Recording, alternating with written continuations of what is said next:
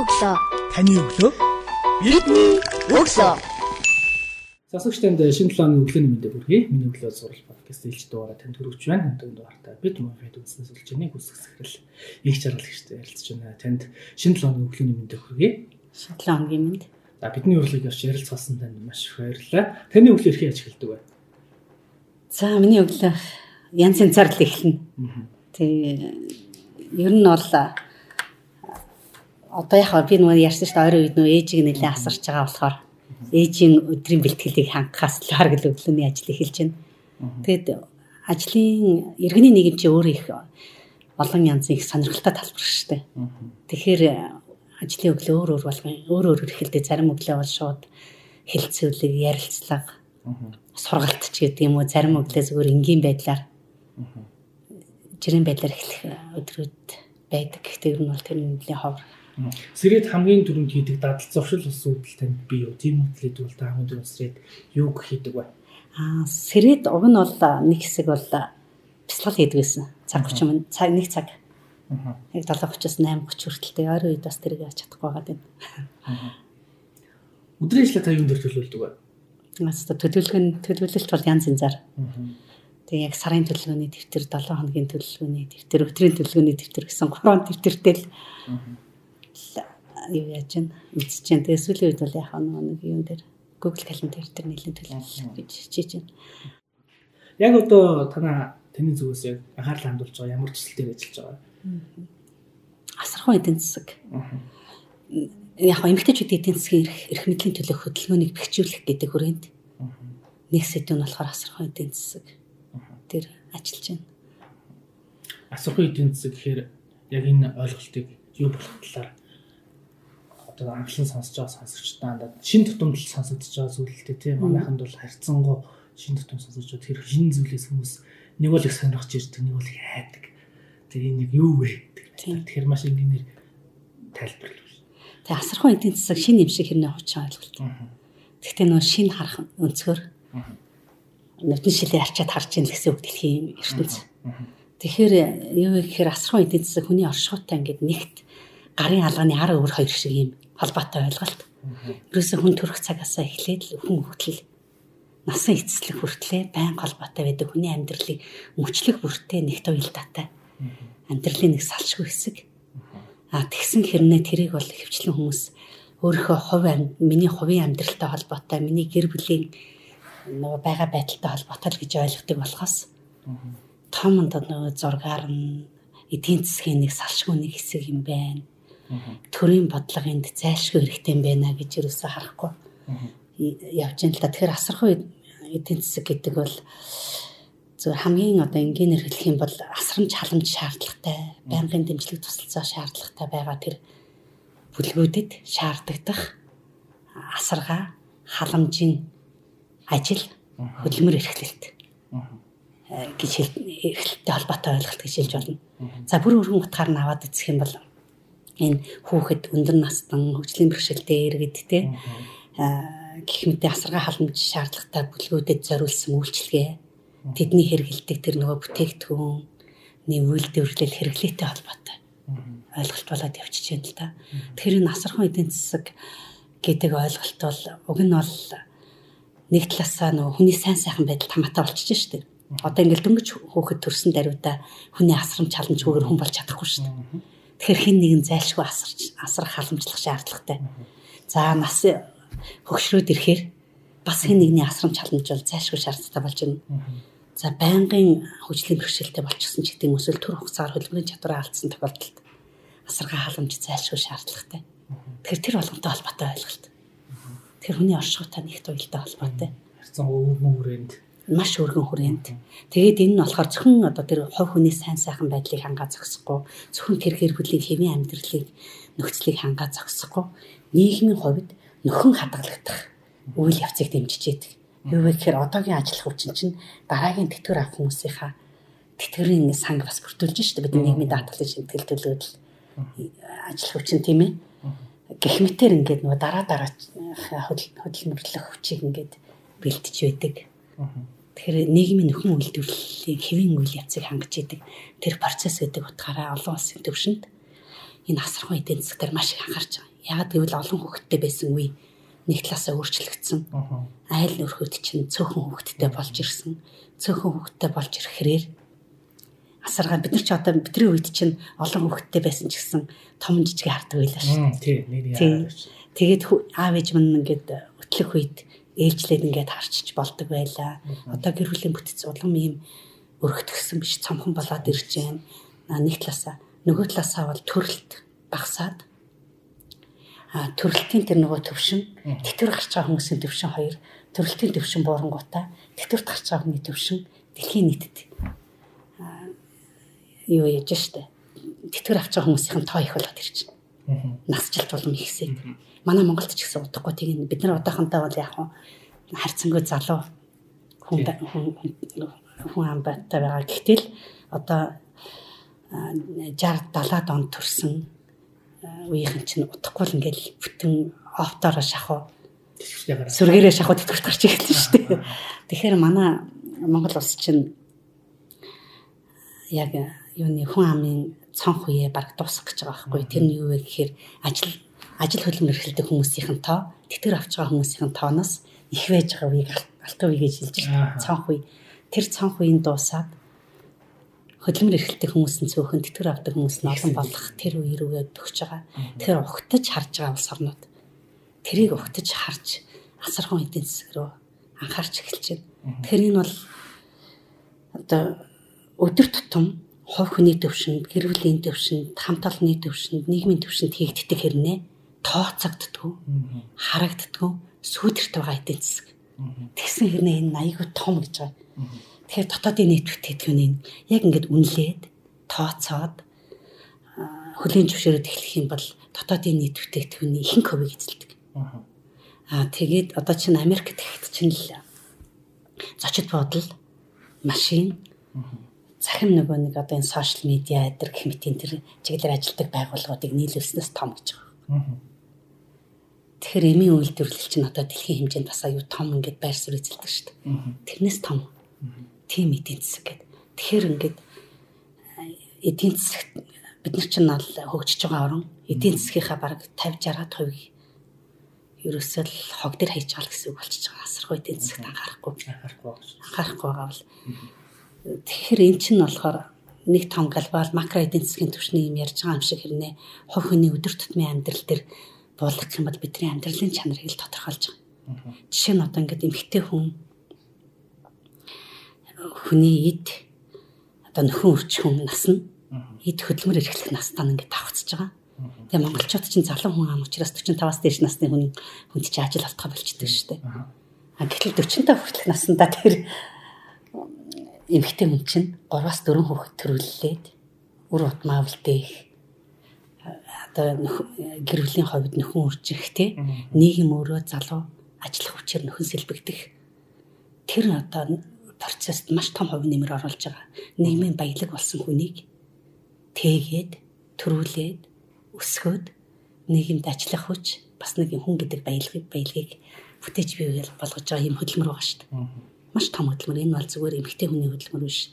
Зөвхөн тэр гэр бүлийн одоо нөгөө нэг залуу тий залуу гэр бүлийн асуудал биш. Энэ бол яг нийгмийн нөхөн үржих, нөхөн сэлбэгдэх, ажиллах хүчний хувьд нөхөн сэлбэгдэх маш том процесс байгаа байхгүй.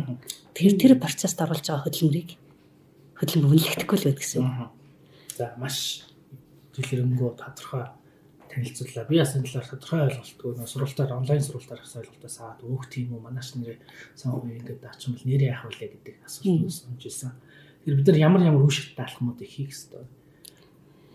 Тэг хамгийн эхлээд бол нөгөө нэг энэ асархан эдийн засаг засаг гэдэг бол манай Монголын эдийн засагт маш том хувь нэмэр оруулдаг юм байна гэдгийг хүлээн зөвшөөрөх. Дээрэс нь энэ үн хөлсгүүгээр энэ асархан эдийн засаг чинь дотроо хөлстэй хөлсгөө хөдөлмөр гэж хоёр байгаа. Тэгэхээр хөлсгөө хөдөлмөр нь бол хөвчлэн өрх гэр бүлийн төвшөнд. Тэгээ хөвчлэн хүүхэд эмэгтэйчүүд хийж байгаа. Хүүхэд хүртлийн дайчлагдж авч ирдэг юм байна гэдгийг бол одоо Мосын Монгол Улсын их сургуулийн отхон төгс багш тэргүүтээ эдийн засагчид цаг ашиглалтын судалгаагаа судалгаанд гар одоо энийг нарийн тооцох үнэлэх ажлыг эхлээд явж шít. Тэгээ сая дээр судалгааныхаа эхний байдлаас ингээд харахад 12-оос дээш насны хүүхэд энэ асархан өлсгөө хөдөлмөрт цогт ажиллагтаад ороод ирдэг юм байна. гэдгийг ингээд гаргаж ирж байна тий. Тэгэхээр энэ юу чинь хүлийн зөвшөөрөх, өрх гэр бүлийн төвшөнд хүлийн зөвшөөрөх, нийгмийн төвшөнд хүлийн зөвшөөрөх. Аа тэгээ чухал чухал гэж үзэх ихний алхам байгаад байна. Тэгээ олон улсын төвшөнд бол энэ асархуй эдийн засгийг эдийн засгийн салшгүй нэг хэсэг гэдгийг болгохын тулд таван одоо нөгөө нэг стратеги байх хэрэгтэй гэж үздэг. Нэгдүгürt бол яг хэр хөлийн зөвшөөрөл чухалд үзээд. Хоёрт нь бол ачааллыг аль болохоор бууруулна. Одоо жишээ нь эмэгтэй хүн ч юм уу хүүхэд ингээд механикаар гар бие оролцож оролцож байгаа ачаалал малчин эмэгтэйчүүд. Чи тийм үү тийм ээ. Гэр хороолт байгаа хүмүүсийн асрах үн хөлсгүй ажлыг аль болохоор ачааллыг бууруулах. Аа тэгээд дахин хуваарлах ажил байгаа. Төр нэг хэсгийг ачааллыг авна. Эсвэл нэг хэсгийг одоо эмэгтэй хүн голдуу хийж байгаа бол эрэгтэй хүнд ачааллыг хуваалцсан ч гэдэг юм уу. За энэ дэр хэд сая хэд чинь л нөгөө цалинтай ээжийг зөвхөн ээж авдагаар хуульчилчихсан байсан шүү дээ. Тэгээ 21 онд үндсэн хуулийн цэцэг нь бол эрэгтэй эмэгтэй хүн тэгш эрэгтэй гэсэн зарчмыг зөрчиж гэнэ гээд улсын хурлд зөвлөмж өгөөд улсын хурлд тэрийг эцэг гэдэг үг нэмж оруулж ирснээс болоод цалинтай ээжийн 50 мянгыг аваад аваад эхэлж байгаа байхгүй. Эн чинь нөгөө хуваарлах хамтын хариуцлага болгож хуваарлах зарчим тий. За дөрөвтг нь бол хөлстэй хөдөлмөрийн хэмжээ нөхцөлийг сайжруулан урамшуулах гэж байна. Нөгөө цалин асархан ажил хөдөлмөрч нь хөлстэй хөлсгөө гэд хоёр янз байгаа. А хөлстэй нь болохоор одоо чинь хүүхд тасрах үйлчилгээ, ахмад насны халамжлах үйлчилгээ эднэр чинь яагаад сайн хөгжихгүй вэ нөхөхээр төр засгийн зүгээс бодлогоор хөлийг энийг тусдаа салбар гэж хүлээн зөвшөөрөхгүй. Тэдний авч байгаа цалин, ажиллах нөхцөл нь муу байгаа учраас өгчихгүй байхад шүү дээ. Тэгэхээр энийг хөгжүүлсэн хөгжүүлэх юм бол дундаж орлоготой гэр бүл хүртэл авчих боломжтой. Одоо би ингээд настаа ээжигээ асрах үйлчлэгээ авъя гэж бодохоор нэгдүгээр айгүй ховор. Ховор байгаа учраас айгүй үнэтэй. Үнэтэй байгаа учраас дундаж орлоготой гэр бүлүүд энэ асрах үйлчлэгийг авах боломж багтай. байна гэх юм уу. Тэгэхээр энийг бол нөгөө хостой хөдөлмөрийн хэмжээ нөхцөлийг сайжруулах замаар замаар хүртээмжтэй болох. Зөвхөн энгийн юуны цалингаараа энэ үйлчлэгийг авч чаддаг болгох. За тэгээд дараагийнх нь болохоор төлөөлөл гэж байгаа. Төлөөллийн хангам. Ямар нэгэн бодол төр бодлого хөтөлбөр гаргахтаа ээжүүдээс асуудаг. Залуу гэр бүлийн аав ээж хоёроос асуудаг тий эхнэр хоёроос асрам чаламжийн үйлчлэгээ үзүүлж байгаа байгууллага хүмүүсээс асуудаг. Тэгжээч тэр бодлого хүнтэй хүрсэн. Тийм бодлого болох гэсэн энэ таван стратеги цагцаараа байвал сайн. Гэхдээ бол манайх шиг дөнгөж ярьж байгаа их улсад эхний удаадаа хүлийн зөвшөөрөх ёстой гэж үзэж байгаа. Тэгэхээр хүлийн зөвшөөрнө гэдэг маань хүлийн зөвшөөрөхөд хэвлэл мэдээллийн оролцоо. Оролцоо бол маш чухал гэдэг. Яг өдөр тутмын хийж байгаа. Ажил. Өдөр тутмын гүйцэтгэж байгаа үүргээр илүү ингээм амьдралд ойрхон байдлаар олон нийтэд ойлгуулах. А дээрэс нь улс төрчдийн анхаарал төрөх. Тэгжээч улс төрийн хүсэл эрмэлзэл бий болгож төсөвтэй бодлоготой суулгах. Тийм. Тэгэхээр энэ дэр иргэний нийгэм хэвлэл мэдээлэл хоёрын холбоо оролцоогод ихний үе шатанд маш чухал гэж үзэж байгаа. Эдгээр таван шатыг чинь зохицоор нь бий болгохын тулд мэдээж бидний ихний алхам бол хүлэн зөвшөөрөх тэгээд салбар хоорондын уялдаа холбоог хангаж ажиллах төр засгийн бодлого шийдвэр гаргах хүмүүст нөлөөлөх одоо лобби бүлэг байгуулах. Ингэснээрээ илүүтэйгээр энэ асаргой эдийн засагт зарцуулагдах төсөвлөгдөх хөрөнгө санхүүний дэмжлэгийг өргөн цаг хүрээнд хүртээмжтэй зарцуултыг бий болгох энэ арсаар атал ажиллаж байгаа юм байна. Энэ төсөл мэдээж хэрэгжээд тодорхой хэмжээнд төслөл эхлэх хугацаа тодорхой болоод төгсөх хугацаа тодорхой байгаа. Үр дүнгээ юугаар яаж хэмжих вэ? Тийм, ер нь бол юутай бид нар бол их холын зорилготой байгаа. Холын зорилго нь юу вэ гэхээр эмэгтэйчүүдийн эдийн засгийн эрх эрх мэдлийг бэхжүүлэх хөдөлгөөн гэж өрнүүлж байгаа. 3 жилийн өмнөөс. Тэгэхээр ер нь бол яг нь хүний хараат хэн нэгнээс ямар нэгэн хамааралгүй хараат бас байх нь бол гурван үндсэн толгойтой гэж үздэг. Эхнийх нь болохоор бие махбодын хараат бас байдал. Тэгээ энэ чиглэлээр бол яг Монголын иргэний нийгэм эмэгтэйчүүдийн хөдөлгөөн бол нэлээд амжилт олсон. Одоо өвчрхээлээс хамгаалах янз янзын бодлого хуулиуд хүн хөдөлталах хууль, гэр бүлийн хүчирхэлтэй тэнцэх тухай хууль, ажлын байрны бэлгийн дарамттай холбоотой бодлого зохицуул, механизм үйлчлэгнүүд бий болоод эхэлчихлээ шүү дээ. Төрөмс байгууллагын шахалтаар санаачлагаар тий За энэ дээр бол тодорхой хэмжээний ахиц болоод төр өөрөө эндээ хариуцлага хүлээдэг болчихсон. Хоёрт нь улс төрийн хараат тус байдал. Тэгэхээр энэ төрөөс гаргаж байгаа бодлого шийдвэр эрхтэй эмэгтэй хүмүүст янз янзаар тусаж байгаа. Тэгэхээр энд өөрийнхөө амьдралд хамаатай улс төрийн шийдвэр гаргах гэд төлөөллийн хувьд эмэгтэй хүн өөрөө оролцож гэнэ үгүй юу? Хөгжлийн бэрхшээлтэй хүн өөрөө оролцож гэнэ үү? Залуу хүн өөрөө оролцож гэнэ үү? Гэт аваад үзэхэр төлөөлөл хангалттай оролцож чадахгүй байгаа шүү дээ. Малчин хүн өөрөө оролцож гэнэ үү те? Социализм үед чинь малчид бас оролцдог байлаа шүү дээ. Тэгэхээр энэ төлөөлөл алдагдчихсан. Орон нутгийн улсын хурал, орон нутгийн хурал, улсын хуралд. Тэгэхээр энэ төлөөллийг хараат хараат бас байдлыг бий болгохын тулд төлөөлөл бол хамгийн чухал суурь гэж үзээд энэ чиглэлээр бол ажилтдаг сүлжээнүүд бий болж байна. Сая коват. Тэгээ сөүлж хэдэр гэх мэтэр ингээд нөө нэг эрэгтэй эмэгтэй хүмүүс сөүлжиж чагсаалтанд орох хэдэр гэх мэтэр тодорхой хэмжээний юм ахиц дэвшлүүд гараад ирлээ. Гэтэ нэг баг нь согт дутуу ингээд байгаад байгаа эдийн засгийн хувьд эдийн засгийн эмэгтэйчүүдийн эдийн засгийн эрх мэдлийн хувьд ямар ямар юм бэ гэдээ аваад үзэхээр үнэхээр муу байна гэж үзээд тэгээд яг энэ чиглэлээр хөдөлгөөн өрнөж эхэлж байгаа. Тэгээ энэ явцад янз янзын чиглэлээр ажилтдаг одоо хөгжлийн бэрхшээлтэй бичил бизнес эрхэлдэг залуу ээж төр хэмтээ олон янзын бүлгийн төлөөллүүд оролцсон. Тэгээ яг ямар чиглэл биднэрт ямар асуудал тулгарч байна, нин тэргүнд юу хийх ёстой вэ гэж тодорхойлоод дөрвөн кейс судалгаа хийсэн. Өөрсдийнхөө амьд миний амьдралд хамгийн чухал гэж үзэж байгаа ямар асуудлууд байна гэдэг. Тэгэхээр нэг нь бол цалинтай ээж гэж гарч ирж байгаа залуу ээжүүдийн хувьд. За нөгөөх нь болохоор одоо суглаа сугал цэцэрлэгт хүүхдийн суглаа суглахаа болоод цэцэрлэгийн хүрт хэмжээ нэмэгдүүллээ гэд байдаг. Тэглээгээд ээжүүд залуу ээжэд ажилд орж орлогоо нэмэгдүүлж чадсан юм уу гэсэн чи үгүй юу нөлөөлж яах гэсэн чинь төвчрэл байна. Цэцэрлэгийн нөгөө нэг нэх хаах цаг кемтийн тэгээд өвлийн цагт агарын бохирдлоос болоод хүүхэд нь олон удаа чөлөө авдаг. Гурав дахь удаага чөлөө авч аваад дөрөв дахь удаадаа эмнэлэг дэвтэнгүүд нь ажилласаа гарыг гэж хэлэхээсээр аргагүй. Кемтийн ингээд нөгөө нэг цалин та орлоготой албасны салбарт ажиллах тийм боломж хүүхд төрүүлээд байгаа залуу ээжүүдэд бол байхгүй байна гэдэг ингээд хоёр дахь кейс судалгаа. Гурав дахь нь болохоор ингээд маш хөгжлийн бэрхшээлтэй хүний эрхийн тухай конвенцэд Монгол улс нэгдлээ. Хөгжлийн бэрхшээлтэй хүний тухай тусгай агентлаг бий болголоо. Хөгжлийн бэрхшээлтэй хүний эрхийн тухай хууль гаргалаа. Дээрэс нь хөдөлмөр эрхлэлтийг дэмжих тухай хуулиар байгууллагуудад квотагтайгаад за танах тэдэн ажилтнууд тутамд нэг хөгжлийн бэрхшээлтэй хүн авчих ёстой ажиллах тэгж чадахгүй бол та нар хөдөлмөр эрхлэлтийн санд мөнгө төлнө. Тэгэхээр байгууллагууд хөгжлийн бэрхшээлтэй хүнийг ажиллуулах гэж оролдож байна. Ажиллуулж чадахгүй бол мөнгө төлж байгаа. Тэгээд тэр хөдөлмөр эрхлэлтийг дэмжих санд нэг тэрбум гаруй төгрөг хөрөнгөлөгдчихсэн.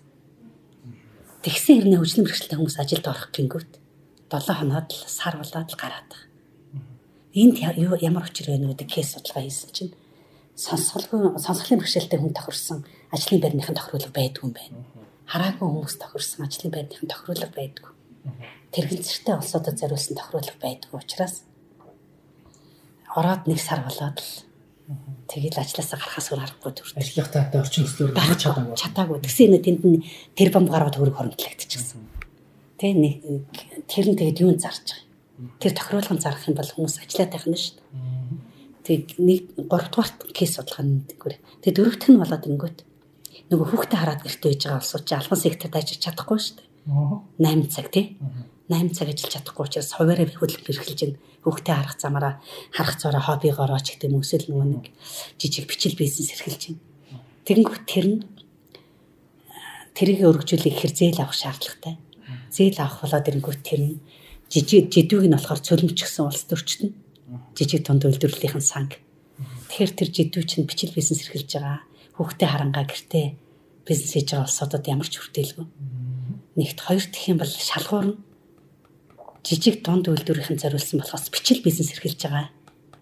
Яг тэр нэг асархан хөдөлмөр эрхэлж байгаа улсуудад зориулаад асархан ажил хийнгээ орлогоо нэмэгдүүлэх гэсэн улсуудад бол байхгүй байгаа. Гэт ийм дөрвөн кейс судалгаа хийх чи явсаар байгаа л энэ асархан эдийн засаг ер нь энэ бол зүгээр нэг юм жижиг кейс судалгаа юм уу зүгээр бичил төслийн хүрээнд биш. Бүр том ингээд тогтолцооныхон улс хувирын харна том зургаар нь ингэж харж өөрчлөх хэрэгтэй асуудал юм байна. Энэ зөвхөн эмгтээчүүдийн асуудал биш юм байна. Энэ зөвхөн залуу гэр бүлийн асуудал биш юм байна. Энэ бол хүн болгоны асуудал юм байна. Ягаад гэвэл хүн чинь хөгжлийн бэрхшээлтэй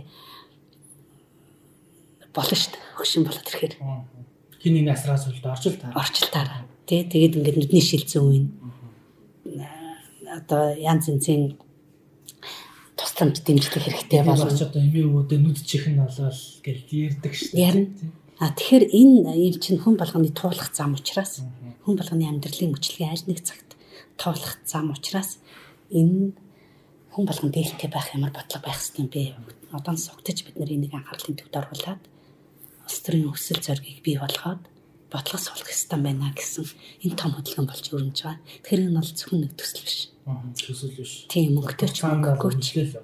Тийм мөнгөтэй ч мөнгөгүй ч нэг ингээл цаашаа үргэлжлүүлээл их олон байгууллага, олон хүмүүсийг татан оролцуулах ийм нэг зайлшгүй хэрэгцээтэй л байгаа. Тэгэхээр энийг тхийн тулд бид манайхан ч ойлгохгүй шүү дээ. Амьдрал дээр тулахаас нааш ойлгохгүй. Яг өөр дээр ирж Яг өөр дээр ирж иж ойлгоно. Тийм учраас бид нар энэ асуудлыг илүү яаж хүн хүмүүс энэ асуудал хүмүүсийн амин эрх ашиг хөндөд байгаа юм. Ям амжиргаатай нь яаж холбогдоод байгаа? Эдийн засгтай. Карматай. Карманаас гаргаж байгаа мөнгөтэй нь яаж холбогдоод байгаа юм тийм. Тэгэд мэдлээ ихэд дангаараа энэ чинь дуурайд хүмүүс төр зэсэг ойшоохгүй. Нэгдэж олоолаа болж ижил олон нийтийн анхаарал төр зэсгийн анхаарал төрнө. Тэхийн тулд нийтлэг хэрэг шиг. За энэ хоёгагийн ярьж байгаа юм, их чаргалын ярьж байгаа юм хоёр наа миний амьдралд ч гэсэн бас байгаа юм ба шүү дээ. Би ч гэсэн дуу хоолойгоо нэмэрлээ. Би ч гэсэн хүч хөдөлмөрөө нэмэрлэе гэдэг ингээд олоолаа болох хэрээр эн чинь харагдахуйц болно. Үзэгдэхүйц болоод тэгээ түлийн зөвшөөрөгдөн гэсэн ийм нөгөө хүсэл эрмэлзэлээр энэ асуудлуудыг гаргаж ирж байна л да. Кейс судалгаан дээр хийхэд бол бас л сонирхолтой сонирхолтой судалгааны үр дүнгууд гарсан бидний төсөлж байгаагүй тий. Тийм тийм бид нар ч гэсэн бас төсөлж байгаагүй. Бид нар бол ер нь бол ингээд 20 24 байгууллага энэ хөдөлгөөнд нэгдсэн. Янз янзын чиглэлээр ажилтдаг, янз янзын төлөөллийн. Тэгээ 24 байгууллага нэгдэхдээ ямар ч гэсэн нэн тэргуунд бол ийм дөрвөн асуудал тулантад гарч ирж байна. Эмэгтэйчүүдийн ихэнх нь албан бус сектор тэр тусмаа бичил бизнест байна. Гэсэн хэрнээ зээл олдохгүй байна. Зээлийн шалгам тэдний амьдрал нийцэхгүй байна гэдэг юмар гаргаж ирсэн. Зээл олдохгүй байна гэж гарч ирсэн юм. Дараа нь бол ангууд ялуурлан гадуурхалт байна. Дараа нь хөгжлийн бэрхшээлтэй хүн ажил хөдөлмөр эрхэлж чадахгүй байна. Тэгээд дээрэс нь хүүхд төрүүлээд өсгөж байгаа залуу ээжүүд орлого олъё гэхээр боломж нэзаарлалтмад байна гэдэг. Тэгээд бид нэр яг тэр хүрээгээр л ерөнхий бай- харж исэн чинь нэг кейс судалгаа гаргаж ир- ирэх явцад өөртөө бүр энэ нарийн асуудлыг ухаад гаргаад ирж байгаа. Яг яг өдөр тутмын амьдралд нь усагаар шиг ингээд тулгамдж байгаа ямар асуудал байна вэ гэл ярилцаар ярилцаар энэ асуудлыг гаргаж ирж байгаа. Өдөр хэлцэл бурууг мөлөөсөр бол хэрэггүй гэдэг ш. Тэгээд дээрэс нь яг тухайн асуудлыг биеэрээ үрж байгаа, би сэтгэлээрээ үрж байгаа улсууд хөндлөнгөөс харж байгаа хүмүүс хоёр ч хоёр өөр байгаа. Тэгэхээр яг шийдэл нь тухайн хүмүүс яг ямар асуудал миний амьдралд өдөр тутмдаа тулаад байна гэдгийг мэдж байгаа. Батгай адилхан ямар шийдэл хамгийн оновчтой вэ гэдгийг бас мэднэ. Тэгэхээр яг энэ хүмүүсийг өөрсдөг нь оролцуулах. Тэр стратеги их чухал гэж үзээд байгаа юм. Хани битэрийн ярианы үндсээ бол ерөнхийдөө бол хүм бүхний амьдралд тодорхой хэмжээгээр ирэх ёстой үнэн байгаа. Тэгээ тэр нь заавал бид нэр өөрсдийнхөө амьдрал дээр гарч ирээд тулж ирээд ойлгох бороо орохоор л бид нэр шүхрээ бариад гарах биш те.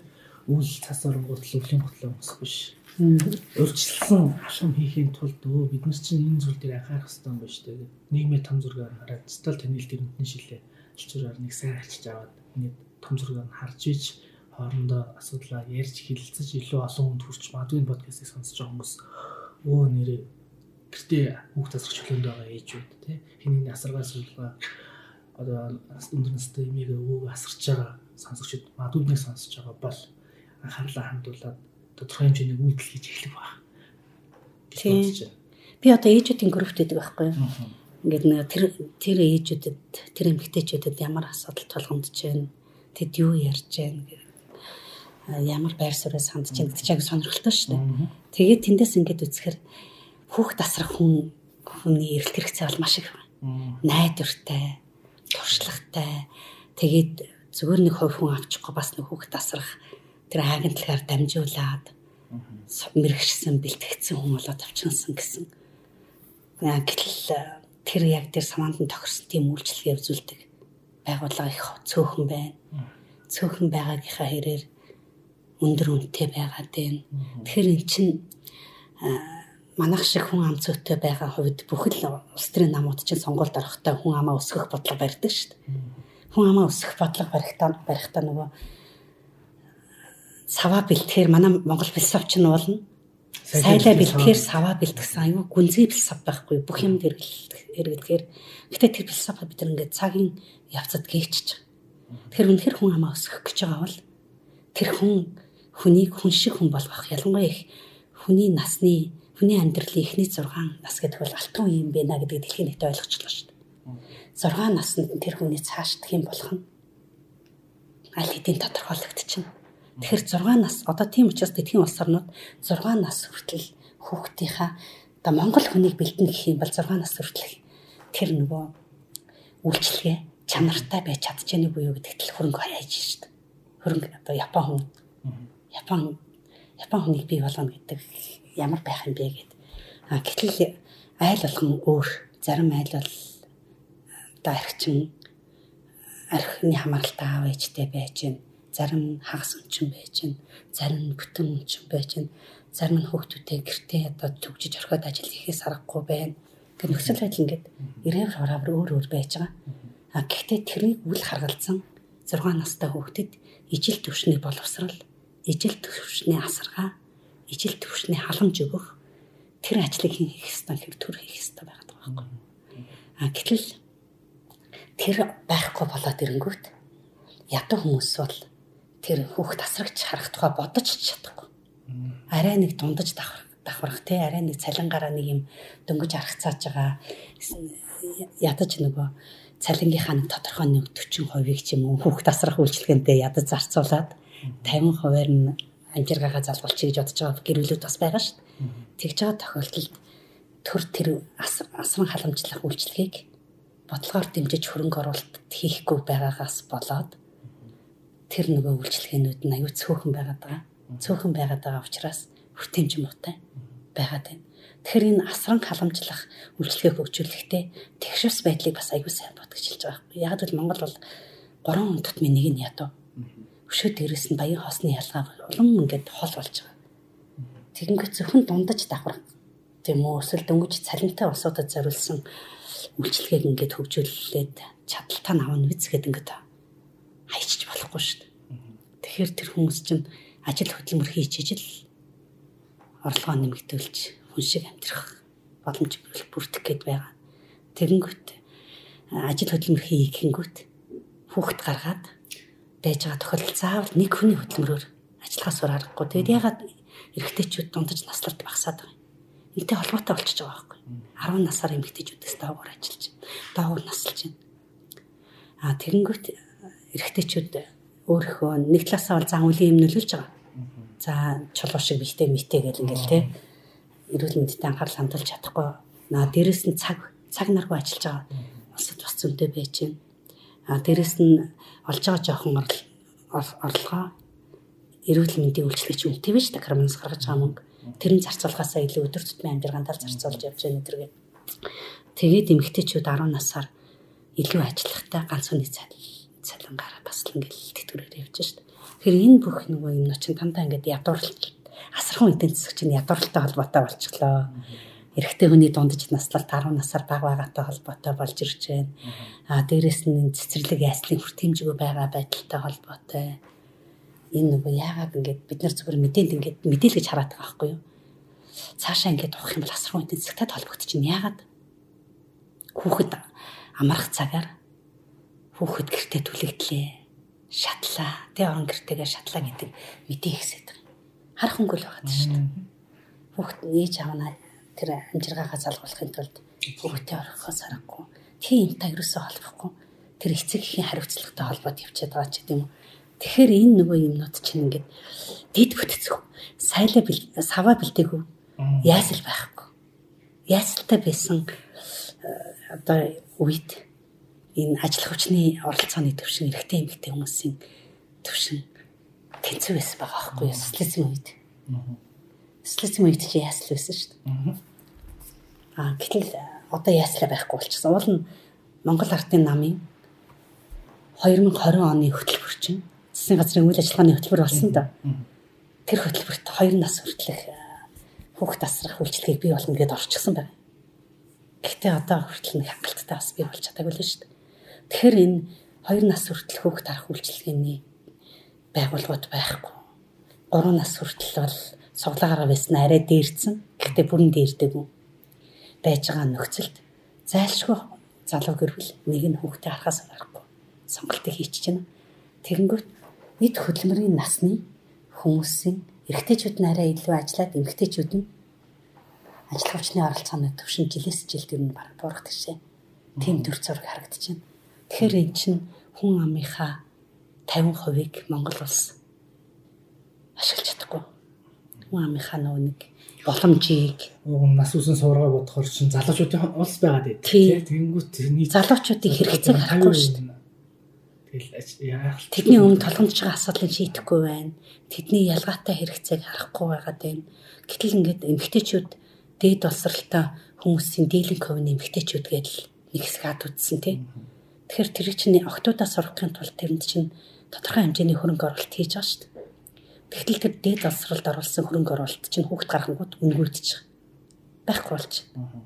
Тэгээ яагаад гэвэл дээр миний хэлсэн эд нөхөр өчхөнөөс карьер хөөх орлого олох нас хоёр давцаж байдаг онцлог. Чин эмгхтэй хүнийг ингээд тэр боловсралтай оруулсан хөрөнгө оруулалттай ашиглах тэр нөгөө юуг нь байхгүй болгочихж байгаа байхгүй юу. Тэгээд ирсэн юм айгүй хурдтай хөгжиж байна. 4 жил гэртээ суугаад эргээд 4 жилийн дараа ажилдаа ороход маш хурдан хоцрогдох тийм нөгөө хандлагатай бий болж ирж шүү дээ. Тэгээд энэ нөгөө асархан эдийн засаг засгийг нөгөө нэг бий болгох гээд иргэний нийгмийн байгууллага хувийн хөвшил төрийн төр гэдэг юм олон талын хамтын хүчин чармаалт хэрэгтэй гэж үздэг. Тэгээ хувийн хөвшил гэхэд чинь л хамгийн нэг энгийн сайн жишээ авал даатгалыг хөгжүүлж орж ирдэг юм байна л да. Жишээ нь шивэд улс ихт чинь төрсний дараа 18 сар цалингийнхаа 80%-ыг авдаг. Хүүхд харуул хараад гэртээ сууж байгаа ээж цалингийнхаа 80%-ыг. Тэгэхээр ажил олгож 50%-ийг 50%-ийг болохоор энэ даатгалын систем өгчдөг. Тэгэхээр энийг ажиллаж явах явцдаа би нөгөө нэг бид нийгэм даатгалын шимтгэл төлж байгаа шүү дээ. Тэрний тодорхой хувийн хамтын хариуцлагынхаа даатгалд суулгах замаар эргээд хэрэгцээ бий болсон үедээ авдаг ч гэдэг юм уу. Тэгэхээр энэ ажил олгогчид аль болохоор баг ачааг өөрүүлэх зорилгоор бас энэ хамтын хариуцлагын даатгалыг хөгжүүлдэг. Одоо жишээ нь ингээд ээжигээ ч юм уу эсвэл гэр бүлийнхаа аль нэг гишүүнийг нэг сар ингээд зайлшгүй харах боллоо тий. Одоо бол их тохиолдолд ажилласаа гарах эсвэл цалингаа жилээ авах сонголт хийж шít. Гэтэл цалинтай хэвээрээ 2 сар 3 сар асрах хэрэг гэдэг нэг аюу том ойлголт энэ асархан эдийн засгийг дагалдаж гарч ирж байгаа. Тэгэхээр чин ажилласаа би нэг 3 сарын цалинтай жилээ өгөөч ээ. Би одоо энэ зайлшгүй асаргаа шаардлагатай хүний асрах гэсэн юм аа. Гэх юм бол ихэнх ажил олгоч үл гэж хэлэх баг. Ялангуяа хувийн хвшил. Тэгэхээр тэр юг эрсдлийг тэр хамтын хариуцлагын даатгалын тогтолцоо нөхөж өгдөг. Тэгэхээр энэ даатгалын тогтолцоог ч гэсэн ингээд хөгжүүлэх юм бол хувийн хвшил татагдчих орж ирнэ. А дээрэс нь асаргааны янз янзын үйлчлэгээ, асаргааны янз янзын бүтээгдэхүүн хөдөлтаалдаг, үйлдвэрлэдэг байгууллагуудыг бодлогоор төрөөс дэмжиж дэмжих юм бол бас хувийн хвшлийн оролцоо бий болоод төр өөрөө энэ үүрэг хариуцлагаа тодорхой хэмжээг хувийн хвшилтэд үйлчлэх үйлчлэлтэй болчих. Тэгэхээр төр өөрөө бүгдийг энэ их ачааллыг төр даахгүй гэж биш. Энэ ачааллыг яаж хуваарлах вэ? Зарим нь гэр бүлийн гишүүдэд хамтын хариуцлага бий болгох замаар. Зарим нь даатгалын систем бий болгох замаар хувийн хвшилтэд идэх хэмтэр ингээд том зураг бий болгож байна. Эхлэх систем шүү. Энэ сайн зуршлагын талаар дотоодын яг даатгалын үйлчлэгийг бүтээгдэхүүнчлэг явуулдаг компаниудад танилцуулсан уу? Танилцуулаагүй. Ер нь бол ингээд сая бид нар одоо ингээд дандаа төрийн бас байгууллагуудаас бүрдсэн эвсэл бий болж шүү дээ хөдөлгөөн. Энэ дээр хувийн хвшлүүдийг бодлохоор одоо өрнө гэж бодож байгаа. Тэгээ гэх мэтэр ингээд одоо янз янзын төвшөнд. Одоо жишээ нь яг ингээд байнгын асрах үйлчлэгээ үзүүлж байгаа байгууллагууд асрах эдийн засгийн нэг гол тоглогч юм байна гэдгийг мэдэхгүй. Энд дэр үйл төвчний эвлэл хүртэл орж ирэх байхгүй? Хамтын гэрээ хэлцээр те. Ажил олгогчийн хувьд ямар одоо тэр нөгөө үүрэг хүлээх үү ямар байдлаар тохируулах бий болохгүй эдэр гэх мэтээс эхлээл ажил амьдралын тэнцвэр эхлээд бий болгоо шүү дээ. Өргөн өрөөнд бөөнөрөө нэгдэж нэг цугулчаад яг насрах үеийн эсэг дээр танаа зүгээс оролцох оролцоо үргэстэй ачаач юу юм бэ гэдгийг гаргаад бүхний бүгдөө нэг чигийн мэдээллийнхаа урсгалыг нэг чигт нь болгоод бүрэн зургаар нь асуудлаа олж хараад тэгээд за танаа өрөх ачаач чинь танаа өрөх ачаач чинь танаа гүс хүрэх чинь гэд ингээд том зохицоор нь асуудвал энэ цаммар нь сайхан нутгшуулаад шийдэгдэх боломж бол хангалттай байгаа. Тий, ерөөсөө тэнгүүлээ. Тийм диалог хамтын одоо тийм яриа өрнүүлэх хэвээр хэвлэл мэдээлэл яг энэ энэ яагаад чухал бол тоглогч нь тий үйлдвэрчний хэвлэл яагаад гол юм аа тэгээд энэ асрах ажил хийж байгаа хүмүүсийн холбоо өдр бий болох хэрэгтэй байгаа байхгүй юу? Тийм ээ уг нь маш том нэг зах зээл байгаад шүү дээ тий Тэгэхээр яг энэ дээр ингээл одоо л дөнгөж ярьж эхэлж байна шүү дээ. Тэгээд энэ их сургуулийн академик төвшөнд ч гэсэн академикуд тосорж ирнэ. Одоо мөсийн отгон төгс багш. Цаг ашиглалтын судалгаагаар 80 нарийн одоо хэмжих гэж ш дотоодын нийт бүтээгдэхүүний хэдэн хувь нь юм бэ? Гэд одоо 12 настай хүүхдүүдийн хөдөлмөр хэдэн цаг зарцуулдаг гэдэг хэмжээд байж байна. Малчид хэдэн цаг зарцуулж байна. Эрэгтэй хүмүүс эмэгтэй болсод хэдэн цаг зарцуулж байна гэдэг хэмжилтийн ажиллагаа эхэлж шít. Тэгэхээр энэ хэмжихээс эхэлнэ. Мэдрэмжтэй мэдээлэл нийтлэл энэ сарын дугаарт асар хуу эдийн засгийг онцолж байгаа. Тэгээд асар хуу эдийн засаг яаж чухал юм? Ер нь асар хуу эдийн засаг гэж юу юм? Бид нар яг юу хэрэгжүүлэх байгаа юм? Яагаад бидний амьдрал чухал юм бэ гэдгийг нэг энэ төслийг гардаж хэрэгжүүлж байгаа танаас таны доо хоолой бас сонсогчдод хүргэе гэсэн үднэс ярилцлаа. Манай сонсогчдыг сонсож байгаа сонсогчдод оролцож байгаа зочин бол нийгэмд чиглэсэн эрг өөрчлөлт хуурайлах дэвшүүлдэг. Тэгээд тэр дүрэлгаар миний өглөө подкаст өндөрлөдөг. Та манай сонсогчдыг юу өндөрлөх вэ? Тэ ер нь бол яг монголчууд бас их нөгөө нэг харцангуй их төвчөртэй. Энэ нөгөө нүүдэл чинь бас нөгөө хэв маяг бидний амьдралд бол нөлөөлж байгаа шүү дээ. Энд ч нөлөөлж байгаа. Тэгэхээр монголчлах гэж ярьдаг шүү дээ. Болохоосоо болохгүй хүртэл ингээд нэг шүд зугаад өөртөө төвчих гээл үзээд байгаа. А гэхдээ эн чинь өнөөдөр хүртэл болгож ирсэн юм чинь улмал ингээд асуудал чинь хоримтлагтаал үнзээрэл баян хаасны ялгаа болон хүндрээтэй байж байгаа энэ нөхцөлд бид нэр төрөөс шаардах сумаар байгаа байхгүй. Шаардах юм а шаардах сумаар. Энэ бол зөвхөн одоо баярагийн асуудал биш те. Энэ бол зөвхөн цэцгийн асуудал биш. Төрийн ингээд нөгөө зохистой бодлого. Төрийн тодорхой нөгөө нэг дэмжлэг хэрэгтэй юм байна. Тэгээ Монгол орн ядуу ядуул гэдэг. Гэтэ ядуу төсөв баг байлаа ч гэсэн тэр төсөв хаашаа явж байгаа гэдгийг нүүрснээ сонсгол жидүүгийн мөнгө харуулчихлаа шүү дээ. А гэтэл мөнгө бол байдаг юм байна Гэхдээ тэр мөнгө бидний өдөр тутмын амьдралд хэрэг болох юмд зарцуулагдаж байна уугүй юу гэдэгт бид нэр хэрсүү байх хэрэгтэй байна. Тэгээ сон яг улс төрийн намуудын мөрийн хөтөлбөрийг бүр нэг бүрчлэн сайн уншаад энэ мөрийн хөтөлбөр бидний амьдралд яаж нөлөөлөх юм бэ гэдгийг маш гүнзгий түн шинжилгээ хийж л харах хэрэгтэй энэ цаг үе ирчээд байна гэж л уриалмаар. Хэрсүү байгаа. Хэрсүү байх. За баярлалаа танд цаг зав авч бидэнтэй ярилцсан таны сонирхолтой ажилд өндөр сандрал хүсье. За баярлалаа.